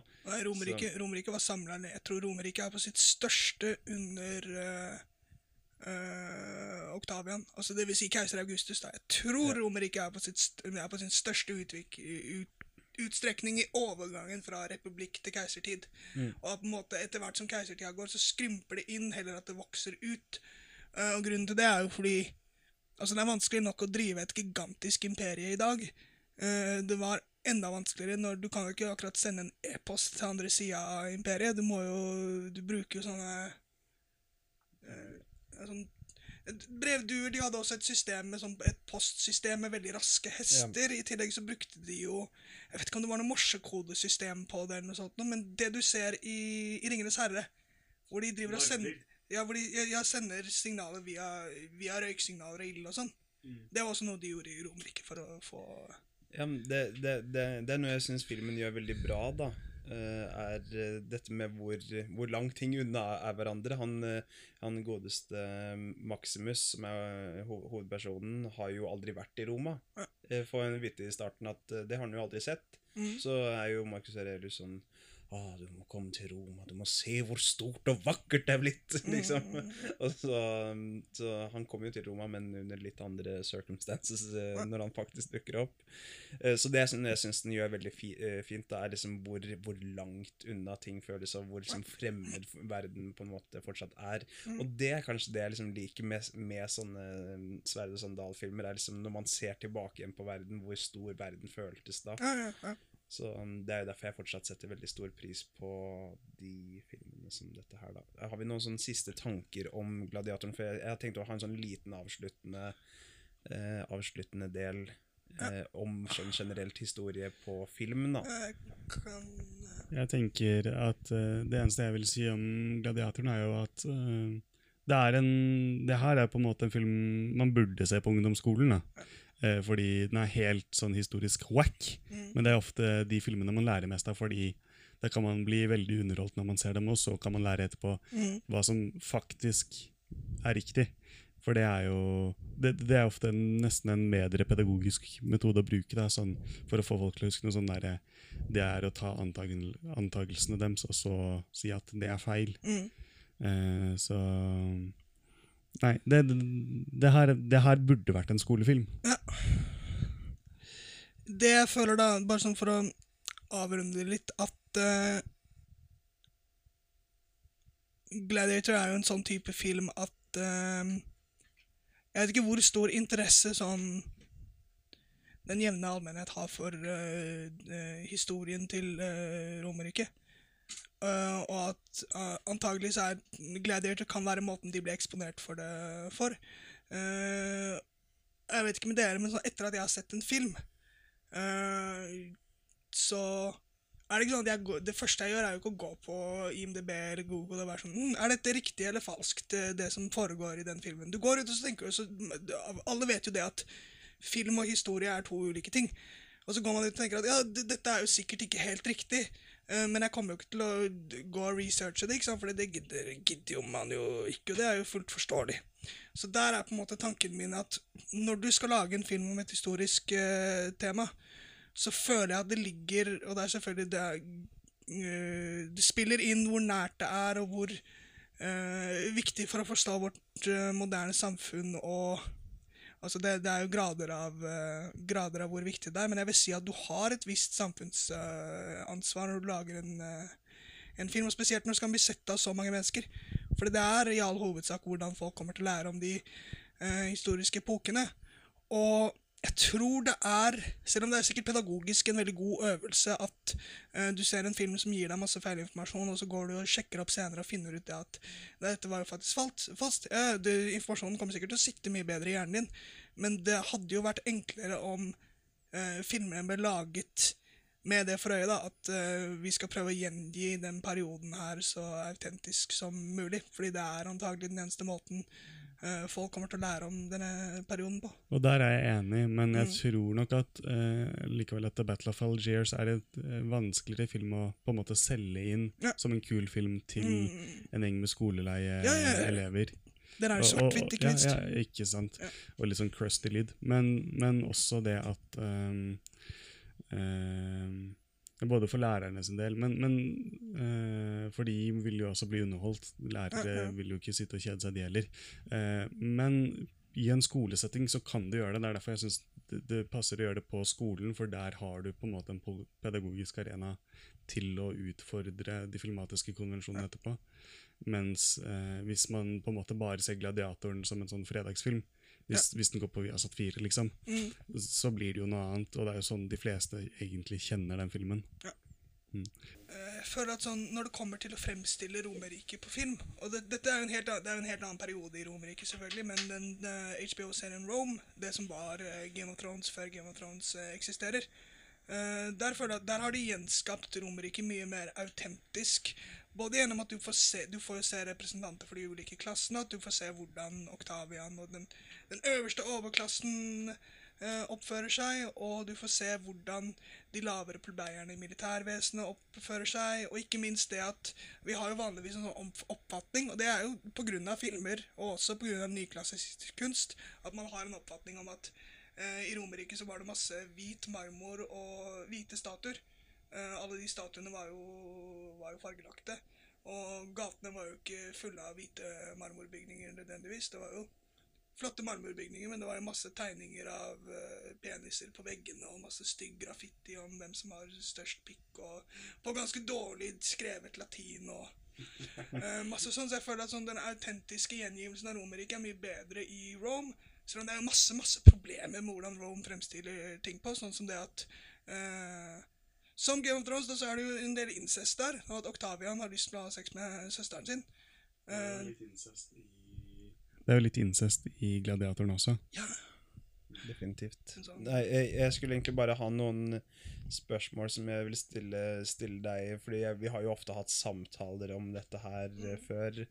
Om det er, det, det er ofte en film bare liksom Jeg føler ofte bare blir avskrevet fordi den er historisk ukorrekt. da. Eh, så jeg hadde liksom bare noen spørsmål om Er liksom eh, sånne filmer som dette her, er de pålagt en historisk korrekthet, føler du? Du har for så vidt svart litt på det, eh, men bare har litt sånn det, det, det, jeg syns det, ville Det at jeg skulle si det, ville jo vært sånn Det ville vært kunnskapsløst for min del, føler jeg. Fordi da ville jeg ha tenkt at det ville vært ehm, Jeg skjønner jo det at filmskapere, når de lager en film Det er ikke det å gjengi en historisk hendelse de, de tenker på. Det er 'jeg har lyst til å lage denne filmen her', og så er det et studio som tenker ja, hvordan tjener vi mest, eh, mest mulig penger her, liksom.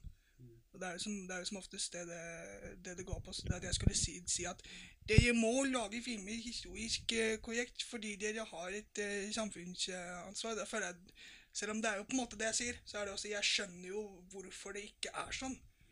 Hvis jeg kan komme med sånn en, eh, et eksempel her, da, så vil jeg jo si at eh, jeg synes ikke Tarantino har gjort en moralsk feil ved å lage 'Inglorious Bastards, selv om den er veldig hysterisk unøyaktig. Så det handler mer jeg tenker at det handler mer om intensjonen til eh, filmskaperne. Mm. Eh, enten det er manusforfatteren eller regi eller skuespillere, eller samarbeidet helst da, mellom alle arbeidende parter. Eh, og, og på en måte når man først gjengir noe historisk korrekt, sånn som de gjorde med The Battle of Algiers, så, så merker man jo hva slags gjennomslagskraft det også kan få gjennom det verket det har blitt. Ja. Eh, og det, på en måte, jeg skulle gjerne sett flere så sterke historiske gjengivelser på film. Det skulle jeg. Så eh, det er vel kanskje mer et ønske enn et krav, hvis man kan si det sånn. Ja, at det, det er um, tror nok at det er mer Ja, ja at det blir mer et ønske enn et, eh, et krav. Man skulle gjerne ønske at Og det er jo også uh, Kongens nei, for eksempel, uten at jeg har uh, Nå sitter jeg ikke med sånn uh, Nå kan jeg ikke huske nøyaktig hvor godt den filmen gjengir de historiske hendelsene som pågikk, men det jeg kan huske, var at det var ikke nødvendigvis en veldig bra film. Og det er jo også det, det Savage. Det er norsk, du må jo like, du liker norske krigsfilmer. Norske krigsfilmer får vi ta en egen episode om, tror jeg. Vi får ta en egen episode, men det er bare det at uh, Bare fordi du har laget en historisk korrekt film, betyr ikke det at du har laget en god film, eller en film som jeg har lyst til å se på. Uh, så det er jo Du må jo lage en god film. Uh, det er, det er sånn, hvis hvis jeg skulle hatt et sånn ønskedrømscenario da, for at uh, noen skulle lage en historisk, uh, en historisk film, så er det sånn eh, Først og fremst lag en god film.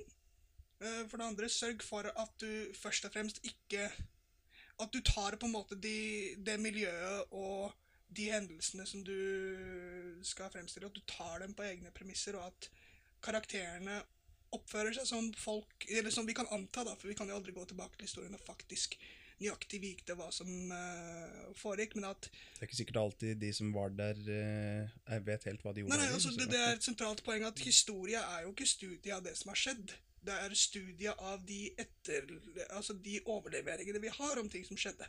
Men vi kan jo aldri være 100% sikre, spesielt når vi går tilbake til Romerriket f.eks. Så kan vi ikke være 100% sikre på at noe av dette her eh, skjedde. Det er bare å se på 300. 300, Vi har ingen anelse om det er historisk korrekt eller ikke, men det er relativt grei gjengjeldelse av hele dott. 300? Ja. Det er fine muskelkarer. Jeg liker de. Ja? Det, det er jo ikke sånn Taktikken og sånn, det er jo ikke slik de slåss i det hele tatt, og det var ikke så, antagelig ikke så mange folk der. Men det er fortsatt relativt grei gjengivelse av den eneste på en måte eh, recorden vi har av den krigen.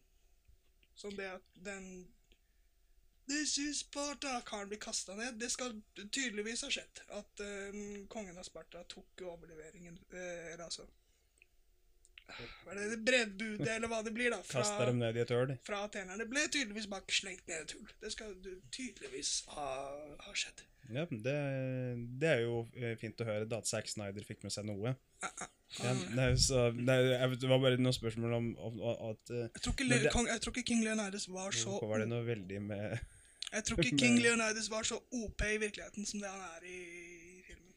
Nei. Nei men så Spørsmålet var litt sånn om um, eh, Når det er film, så blir det liksom uh, ofte det folk forholder seg til som en slags sannhet. Ja. Det tenkte jo nesten at denne episoden skulle hete sånn Men hva med sannheten? Et eller annet, sånt. Men jeg, tror eh, litt, litt, jeg tror det blir litt det samme som at uh, man, Vi sier jo det at Jeg skjønner at denne filmen er ikke sånn som denne ekshistorisk kjendelsen nødvendigvis skjedde. Jeg tror det blir litt det samme som når folk sier at 'jeg blir ikke påvirket av reklame'. Ja, Sånn ja, at uavhengig, Og det har, jo ing, det har ingenting med folks moral eller om du er dum eller smart eller Det har ingenting med det å gjøre. Det, er bare, det vil underbevisstlig ha en påvirkning på deg. Uh, uansett om du om du vil det eller ikke. Altså Bilder du observerer, er bilder du tar med deg. Det er Helt til du glemmer dem, da. Ja, ikke sant? Så er det sånn, sånn at med, siden det er film, vurderer du eh, historisk korrekthet annet enn f.eks. Eh, bøker, eh, malerier eller teater, f.eks. Eh, Nei, de vil, de, de vil jo, det vil jo være akkurat eh, det samme. At du går i de samme Kan ha minst like positiv eller negativ innvirkning på folk sin oppfattelse av hendelser i, i bøker og malerier som det du kan i, kan i filmer. Nå kom jeg ikke på Jeg skulle gjerne hatt, skulle gjerne hatt noe jeg kunne eks- eksemplifisere med, da, ikke sant? ja, ja. Eh, men det, Men sånne bibelske malerier, for eksempel, da, fra renessansen, Ja. der er det jo ikke så mye historisk nøyaktighet, kanskje. Det, det er det jo antagelig ikke i Bibelen, sånn i de faktiske Tekstene. bibeltekstene heller. Nei. Av- Avhengig av hvilke bibeltekster du tenker på. Ja, ja, ikke sant? Spesielt når du kommer på en måte på de senere evangeliene, så er det jo skrevet så lenge etter de hendelsene. Så Jeg tror, nok, jeg tror nok de fire evangeliene i Nytestamentet er skrevet mye nærmere hendelsene enn f.eks. det Mosebøkene er til verdens skapelse. Jo, ja, det, det kan jo gi litt mening, det. Men der er det også veldig mye historie som dekkes fra liksom eh, Edens hage fram til Josef og Moses, og det, det er så mange ting Mm. i, eh, i de Vi- Mosebøkene. Vi vet jo f.eks. det at eh, det var jo Eller Dette er jo en stor og viktig debatt som jeg sikkert ikke har satt meg godt nok inn i, da, men tydeligvis så Det, det var jo ikke noe jødiske eh, slaver i Egypt, f.eks. Nei. Ja, eh, den er kanskje litt sånn spice å etterlate en episode på, uten å faktasjekke, men Ja, ja, eh, ikke sant? ja, det, det, kan, det kan ha vært e- at det har et eller annet for seg, en liten gruppe jøder, og at også de to skapelsesberetningene, den med Abraham, at det er opphavet til en jødi... At det, det blir opphavet til en semittisk eh, religion, og så har du den historien om Moses, og at de senere er blitt kombinert i Babylon, i eksilet, når de skrev Bibelen, da. Men Ja. eh, Ikke gå inn for mye i Bibelen. Nei, nei, altså, det, du kan jo det bare, er kutte- et du kan bare kutte ut alt. myrhull Nei, men så jeg Eh, nå, jeg ser liksom som Flere av disse spørsmålene mine har jeg- vi egentlig kanskje gått litt sånn igjennom, med om liksom filmer på en måte eh, Når de først eksisterer og er blitt laget, og det kanskje er mye feilaktighet, om de da en slags eh, skildring av eh, hvordan man så på eh, en historisk hendelse på den tiden, Mm. eller om det også er en slags belysning av et tema eller historisk hendelse som folk ikke kjente til. Der er, jo, der er også på en måte poenget med Inglorious Bastards er at Si at Inglorious Bastards tar sted i Texas. Nei, ikke Texas, for det vet gjerne folk noe om, da. Nei, Mars Et annet historie Fordi at hvis du bor i verden nå, så hvis du vet noe om historie, så vil jeg anta det at, du, det at Hitler tok livet av seg selv i en bunker i Berlin i mai 1945 og ikke ble skutt av Brad Pitt på en fransk kino i 1944 det tro, Jeg tror du Det er ikke Brad Pitt som skyter han. Det er ikke Brad det Pitt som skyter han. Nei, det er eh, Eli Roth, er det ikke det? Jo, det, er de har noen sånne bombelenker, og det, alt går jo til helvete. Men eh, Hitler blir skutt. man vet jo at jeg vet ikke hva slags uh, hule du har bodd inni, hvis du ikke er, hvis du ikke er klar over det. Det finnes jo liksom. noen sånne konspirasjonsteoretikere som tror at han fortsatt lever et eller annet ja, sted. så, ja, ja, så det, det, det, tenkte, det tenkte jeg jo ikke på. Men Nei, ja.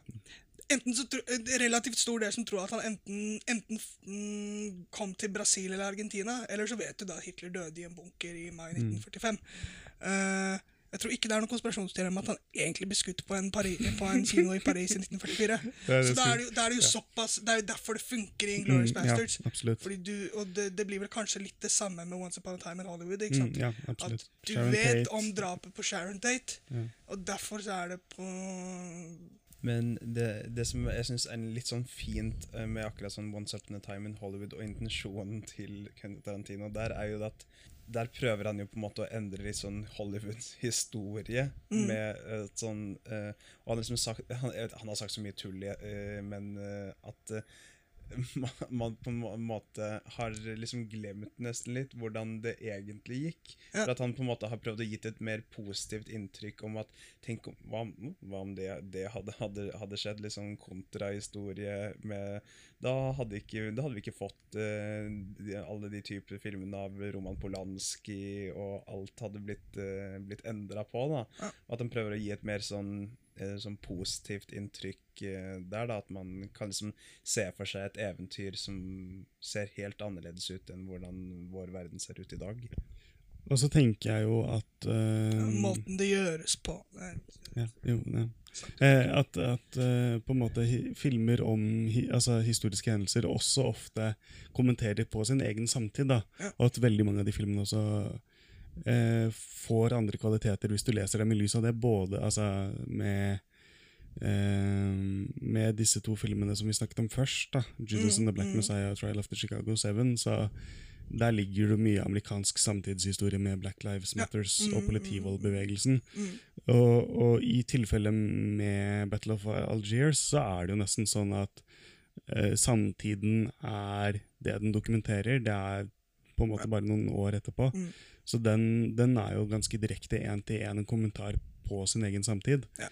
Uh, mens Gladiator igjen uh, den, hva, altså den samtiden der er jo Det er 2000, det er før 9-11, det er før uh, de tingene. Det er på en måte et av høydepunktene i blockbuster-perioden. Det er liksom Vi har fått det digitale verktøy, og vi liker heltefortellinger. Vi liker veldig godt reklame, spesielt Mm. reklame med sterke menn og fine ørner i statuer og sånt, tydeligvis. Mm. Eh, så altså, det er veldig mye reklameestetikk i den, da, og jeg føler at den er veldig, veldig kommersiell og kapitalistisk på en måte som minner veldig om eh, andre filmer og andre virkelighetsforståelser fra 2000.